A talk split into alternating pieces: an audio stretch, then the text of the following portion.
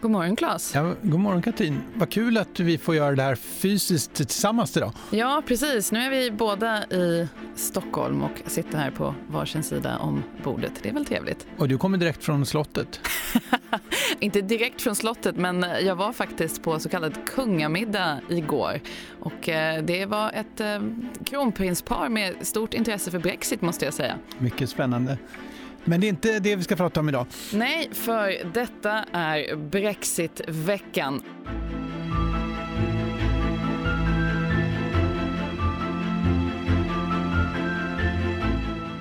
I Storbritannien har ju valrörelsen dragit igång på allvar och vi har sett en så kallad game changer.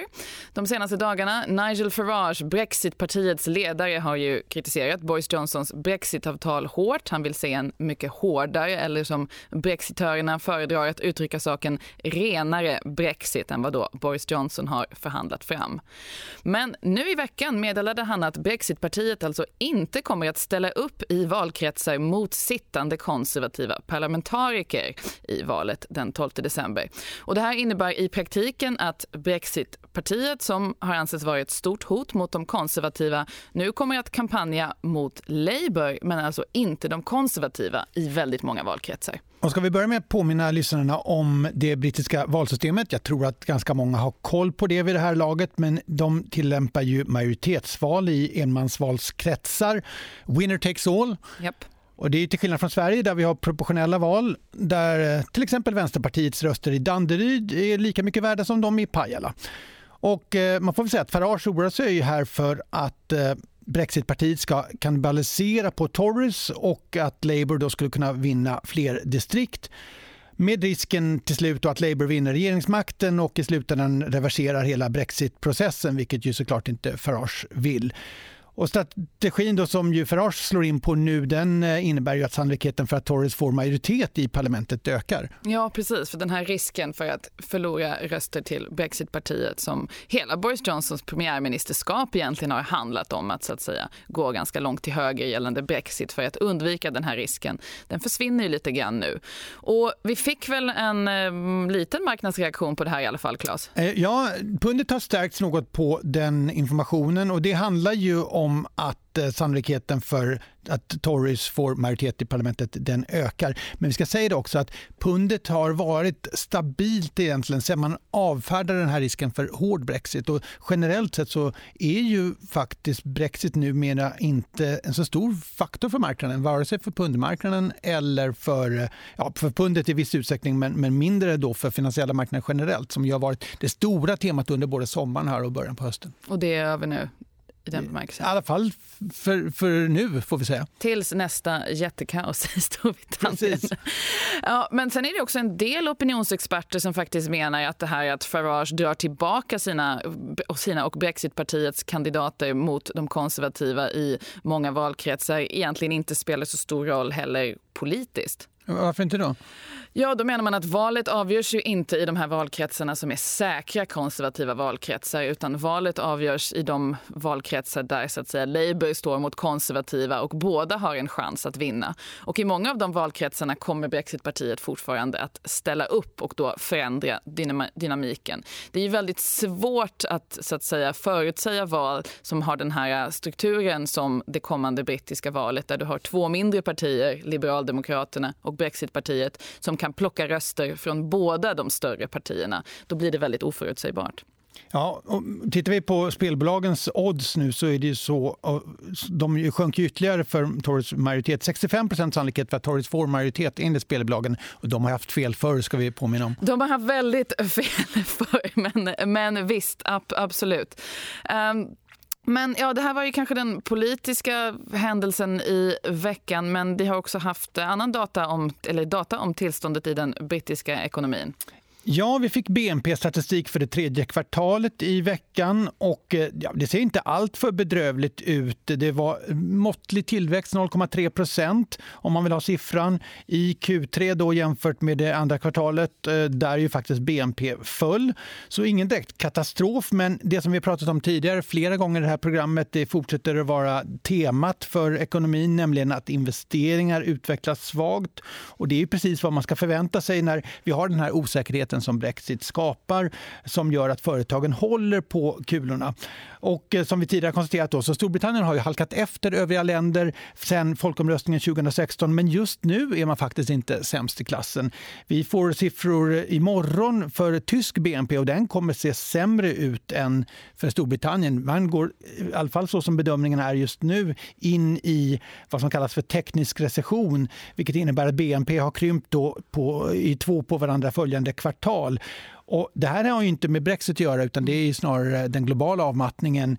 Tyskland är mycket mer känslig för den globala industricykeln. Svag utveckling i fordonssektorn, lägre tillväxt i Kina drabbar Tyskland mer än Storbritannien. Så att eh, just nu så kan man säga att eh, Storbritannien har sin Brexit-problematik men Tyskland och en del andra länder som Sverige drabbas mer av den globala avmattningen. Och sen i Storbritannien så fortsätter vi att se den här starka arbetsmarknaden. Vi fick statistik igår som visar att arbetslösheten är fortfarande den lägsta sedan 70-talet. Mm.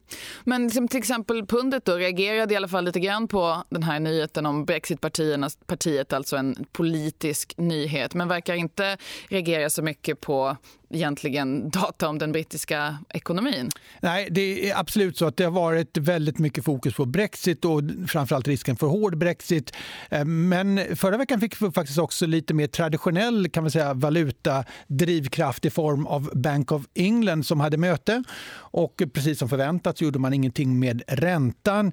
Men det var faktiskt två ledamöter av nio som röstade för räntesänkning. Och det är första gången som någon ledamot har gjort det sen strax efter folkomröstningen folkomröstningen då 2016 då man ju faktiskt också sänkte räntan. Men sen dess har man ju höjt räntan och de flesta har tänkt sig att nu kommer man avvakta till, mm. för att se hur går Brexit, vad kommer att hända och därefter ta nya, fatta nya beslut. Så man fick lite grann det här, en mjukare som det heter centralbank påverkade pundet som gick lite svagare på, på den informationen fast ganska marginellt återigen.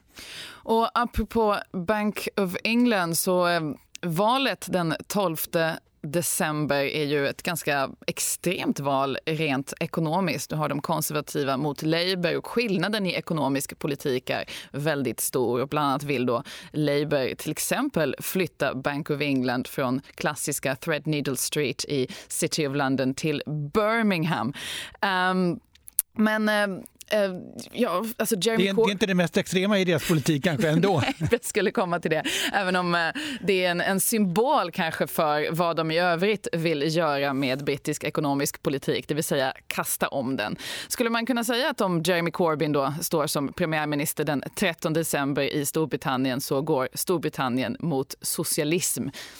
Ja, jag, jag, vet inte om det är att gå för långt. För det finns ju ett antal om. Det ena är att eh, om Corbyn blir premiärminister men sen är det också om Labour får egen majoritet. Det ger just nu 29 gånger pengarna hos bookmakers. Och dessutom om Corbyn lyckas ena partiet bakom de här ganska eh, delvis extrema ekonomiska förslagen. Ehm, och där eh, är det ju så som vi konstaterade tidigare, Brexitfrågan eh, eh, har ju har ju splittrat Torypartiet och det brittiska valsystemet innebär att vissa ledamöter i vissa parlamentariker i Labour också skulle kunna vara emot eller är emot det ekonomiska programmet. Men om allt detta inträffar så... Så, så blir det socialism i Storbritannien? Det blir i alla fall betydligt mer av det. mer av det, precis. Ja, men som du säger, parlamentet är en bråkig sak som vi har sett i brexitfrågan och om det är svårt att få igenom brexit så kan det vara svårt att få igenom socialismen också. Men för att titta lite närmare på Labours ekonomiska förslag, det som har lyfts fram mycket tidigare är ju förstatligandet av eh, flera industrier, det med skattehöjningar och så vidare. Men ett annat liksom, intressant ekonomiskt förslag som har fått eh, en del uppmärksamhet förstås är, är det om, om inclusive ownership funds, eller ja, löntagarfonder skulle man väl ändå kunna säga. Um, Labours förslag är då att eh, företag med mer än 250 anställda gradvis skulle behöva överföra 10% av sina aktier i en fond som då kontrolleras av de anställda, eller arbetarna som är retoriken som ofta används i det här sammanhanget. Och de anställda kan sedan få aktieutdelning på upp till 500 pund per person varje år och eventuella pengar utöver detta går till staten så att någon form av skatt helt enkelt. Och den här överföringen av aktier skulle ske med runt 1 per år. Och det här har förstås då liknats vid det svenska förslaget om löntagarfonder som eh, ja, diskuterades mycket under 1970-talet och slutligen övergavs på 1980-talet. Men det är, löntagarfonder är lite tillbaka, Claes. Alltså, även Bernie Sanders i USA har ju varit intresserad av liknande saker. Varför då? Men vi, vi ser en ganska tydlig vänstersväng framförallt i USA och Storbritannien ska vi säga när det gäller de tidigare lite mer mittenpartierna, eh, Demokraterna och, och Labour. Eh, och vi var inne på Gini-koefficienter förra veckan som alltså visar på inkomstojämlikheter. De är ju samhällena både Storbritannien och, och USA är mycket mer ojämlika utifrån det ekonomiska perspektivet än kontinentaleuropa och inte minst Sverige. Och eh, till del har ju det här förstärkts av uppgången i tillgångspriser som sen finanskrisen har varit ganska stor eftersom ägandet är ganska ojämnt fördelat. Men dessutom så har ju vissa tjänat betydligt mer än andra på globaliseringen. Och eh, man kan till och med se att eh, vissa deltagare på arbetsmarknaden har inte bara förlorat relativt då, som ju är rätt tydligt, men också faktiskt i absoluta termer. Det vill säga man har det fått, fått ekonomiskt sämre jämfört med hur det såg ut om man går tillbaka några decennier. Um, och eh, den här utvecklingen har ju både då gynnat högerpopulistiska partier men också, och som sagt kanske allra mest i, i Storbritannien och USA, vänsterfalanger mm. i mer traditionella partier. Och sen tycker jag det kan vara på sin plats att nämna här att ojämlikheter inom länder har ökat men yep. tittar vi på mellan länder i världen så har den faktiskt minskat ganska dramatiskt. Och det, man, man, kan ju räkna till att så mycket som en miljard människor har lyfts ur fattigdom på grund av globaliseringen. Men som sagt, delvis på bekostnad av arbetare i väst.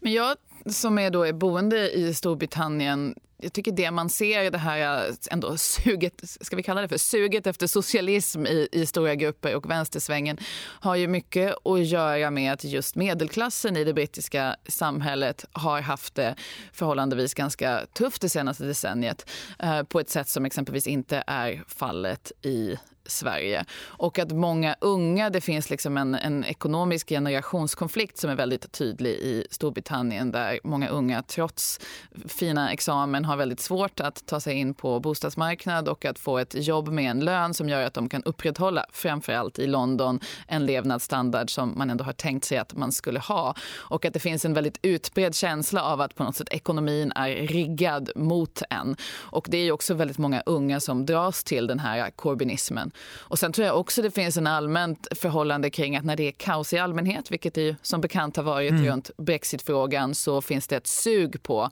efter, eller en större möjlighet för att eh, ja, föra fram den här typen av mer radikala idéer. Man vill gärna ha lite enkla svar, så att säga, några tydliga lösningar. Ja, ja nej men precis. Så jag tror att man ändå, jag förstår din poäng om att det ändå just nu i alla fall är ganska osannolikt att Jeremy Corbyn får bli, både bli premiärminister och får majoritet att genomföra den här typen av förslag. Men det säger ju någonting om ett uh, större skifte i politiken. Absolut.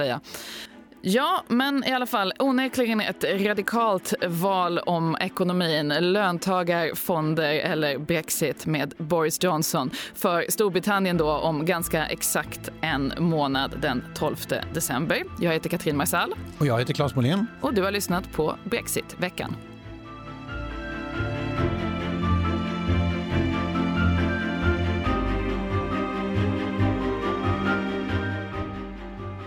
Den här podden görs av EFN Ekonomikanalen. Ansvarig utgivare är Anna Fagerström. Gillar du vad du hör? Dela gärna podden med vänner och bekanta samt betygsätt den på iTunes.